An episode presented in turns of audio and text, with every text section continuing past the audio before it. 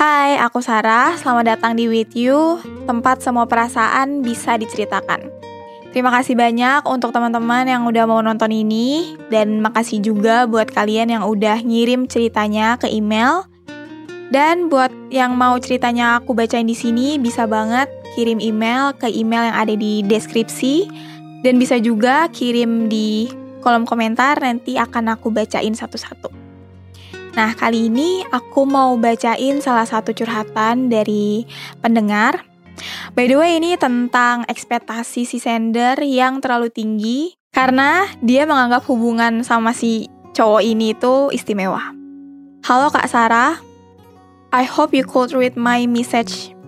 Melalui surel ini, aku ingin mengisahkan kembali peristiwa sedikit getir yang terjadi sama aku beberapa waktu lalu.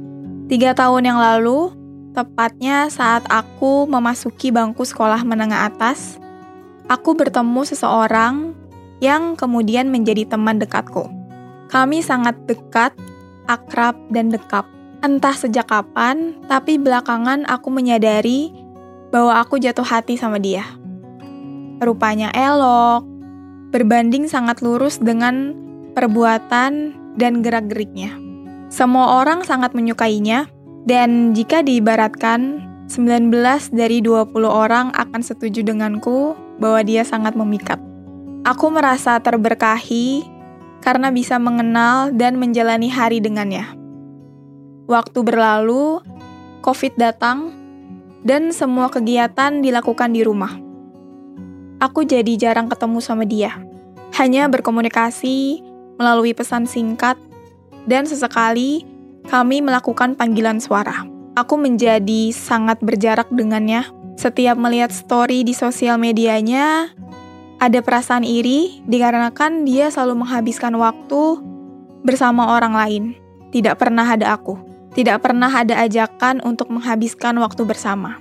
Hari demi hari aku dedikasikan untuk murung, merasa kehilangan, padahal kami cuma teman. Aku menjaga jarak dengannya karena aku merasa iri, semua salah karena aku menaruh perasaan yang berlebih.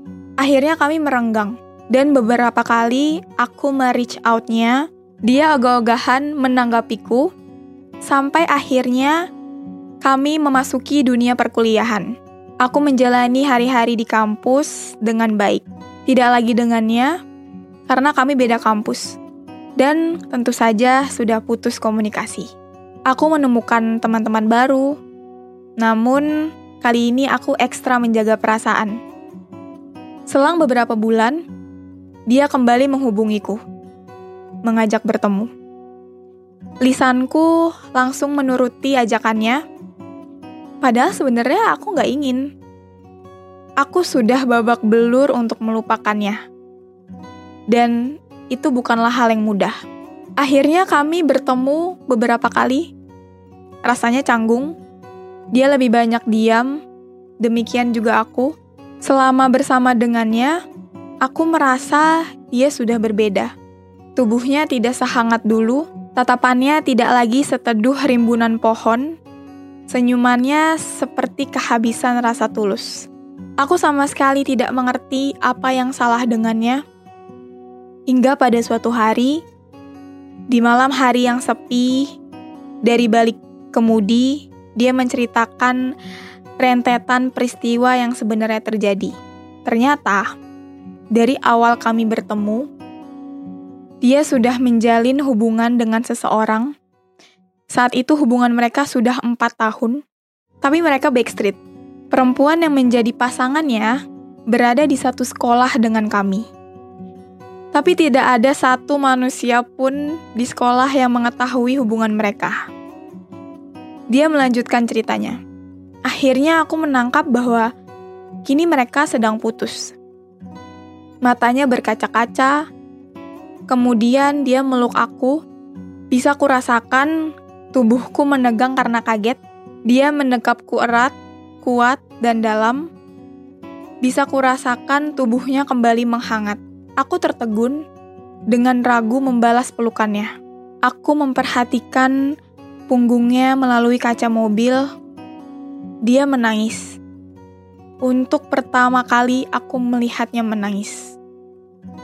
Bagaimana rasanya dicintai sedalam ini oleh seseorang? Perempuan itu sangat beruntung. Selama beberapa menit, kami berpelukan sambil diiringi lagu Blue Jeans yang terputar dari radio mobil. Entah kebetulan atau bagaimana, tapi sekarang aku belum mampu untuk mendengarkan lagu itu lagi. Di malam itu, aku seperti mati rasa dan kehilangan rasa percaya. Aku berusaha menguatkannya, Walau sebenarnya ketika tiba di rumah tangisku pecah. Selama beberapa bulan, aku menemaninya untuk bangkit dan berbenah diri. Jujur, setiap mendengar curhatannya, perasaanku seperti tercubit. Lama-kelamaan aku merasa tidak mampu menampung ceritanya lagi.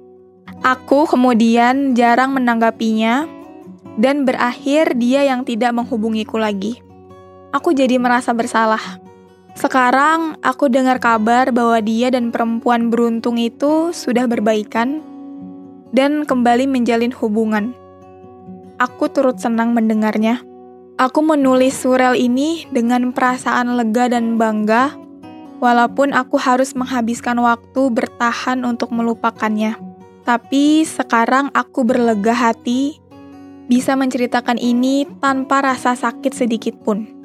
Untuk kamu yang sekarang sudah kembali menemukan bahagiamu, aku cuma mau bilang, I know it's not my story since the first we met. Truly, I wanna see you on the top, living best life possible. You deserve all the best and all the love in this world.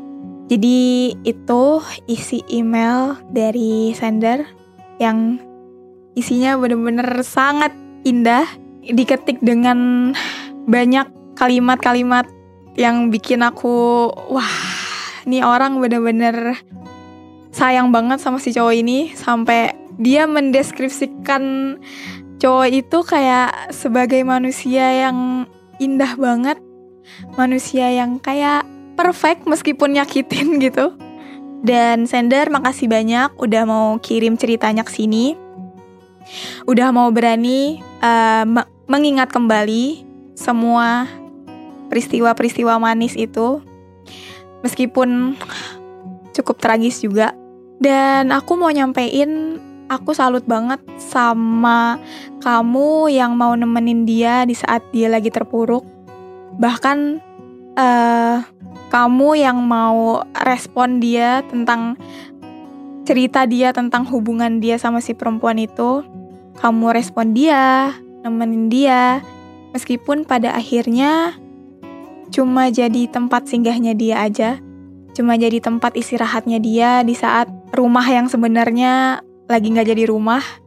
Aku salut sama itu, dan aku lebih salut lagi ketika aku tahu kamu memilih jalan untuk merelakan dia.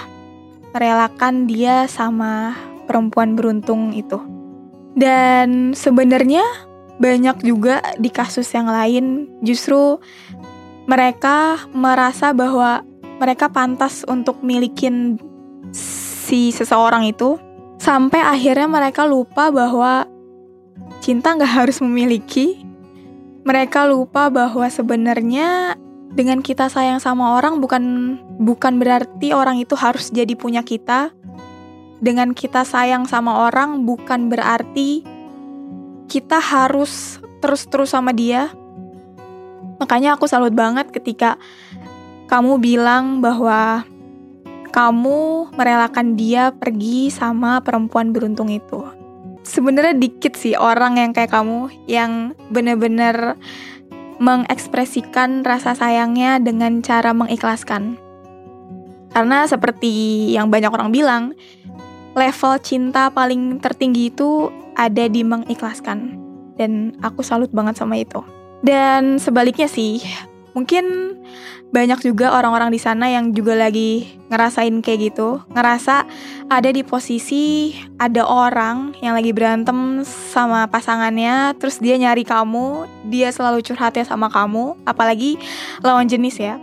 Untuk aku perempuan, aku juga pernah jadi orang yang apa ya dijadiin tempat cerita tempat singgah untuk dia mengekspresikan keluh kesahnya, untuk dia bilang bahwa gue lagi berantem nih sama pacar gue, lu ada saran gak gitu? Atau sebenarnya itu adalah awal awal yang buruk sih karena dengan kamu merespon dia, gak ada yang tahu ke depannya, dia mungkin bisa aja bikin kamu nyaman karena ya gimana kayak selalu curhat dan kamu merasa dia itu ngandelin kamu, dia itu ngejadiin kamu tempat ceritanya dia, kayak safe place-nya dia dibanding sama teman nongkrongnya dia, teman dekatnya dia atau bahkan sebenarnya logikanya kalau misalkan lagi ada masalah sama pasangan, ya kita harus nyelesainnya sama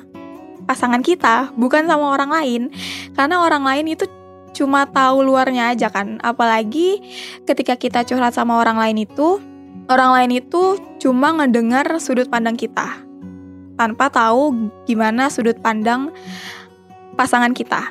Jadi menurutku kalau misalkan kamu lagi ada di posisi si sender ini, tapi kamunya juga baper dan memilih untuk ini adalah sebuah peluang untuk mendapatkan cintanya dia, stop. Mending stop dari awal karena benar-benar itu adalah awal untuk keburukan sih. Itu adalah awal untuk tanpa sadar kamu menjadi orang ketiga di hubungan orang. Dan menurut aku benar-benar harus cepat-cepat sadar.